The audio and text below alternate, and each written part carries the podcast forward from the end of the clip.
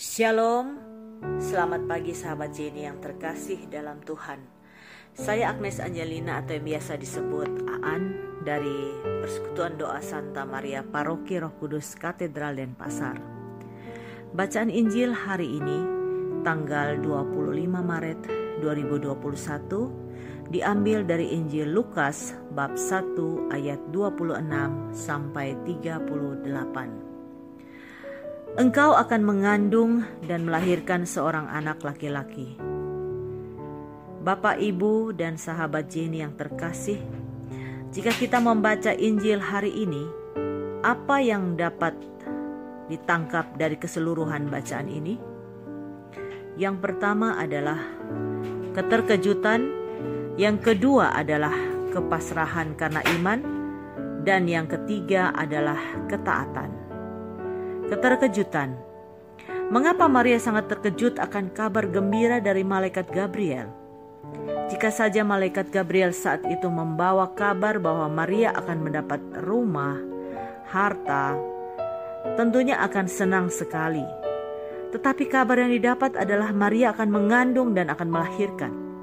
Sementara Maria sadar bahwa dia yang masih perawan dan tunangannya Yusuf hanya baru sebatas bertunangan dan yang lebih gawat lagi, di zaman itu, jika seorang wanita belum menikah lalu melahirkan, maka itu aib yang sungguh-sungguh luar biasa dan tidak termaafkan.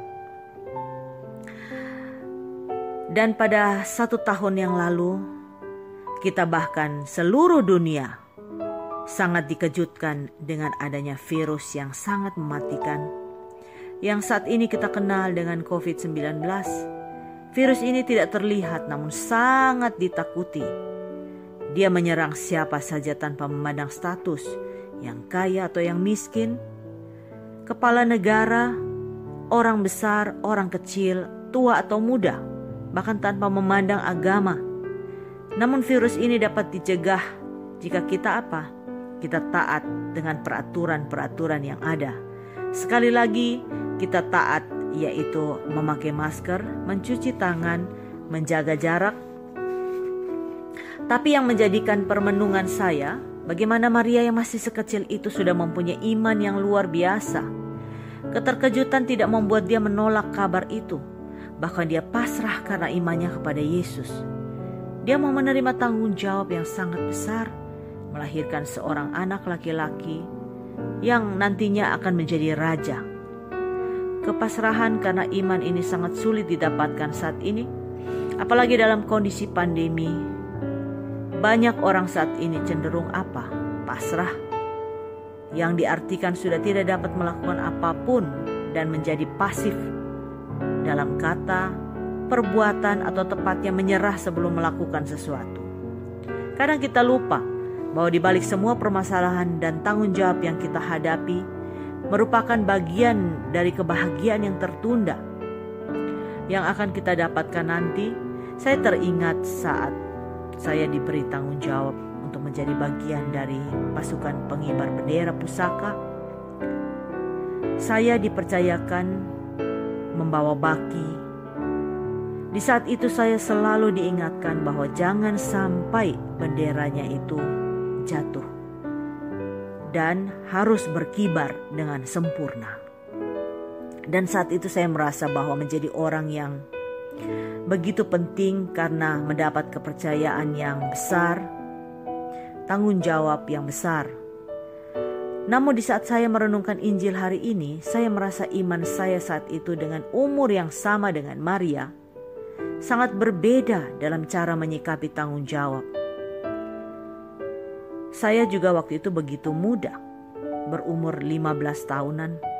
Saya begitu khawatir apakah benderanya bisa berkibar dengan baik, apakah bakinya juga tidak terjatuh.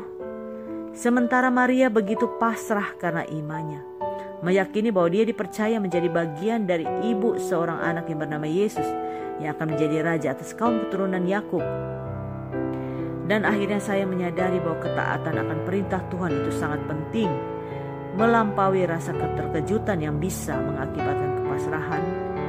Tanpa perbuatan yang pada akhirnya jika kita tidak sadar, maka iman kita tidak akan pernah bertumbuh Karena bagi Tuhan tidak ada yang mustahil dan itu juga ditekankan dalam bacaan hari ini tentang Elizabeth yang juga mengandung di hari tuanya. Kalau mau dipikir sebagai manusia, Elizabeth pasti sudah menopause dan yang sudah dikatakan bahwa ia mandul. Tetapi apakah itu mustahil bagi Tuhan? Tidak ada yang mustahil. Di mata Tuhan segala sesuatu menjadi mungkin. Sahabat Jenny yang terkasih, semoga kita selalu dan selalu diingatkan bahwa Tuhan mampu melakukan apa pun terhadap kita. Asal kita punya iman, percaya, dan berharap kepadanya, dan yakinlah bahwa semua itu pada ujungnya akan baik adanya. Tuhan memberkati kita semua. Amin.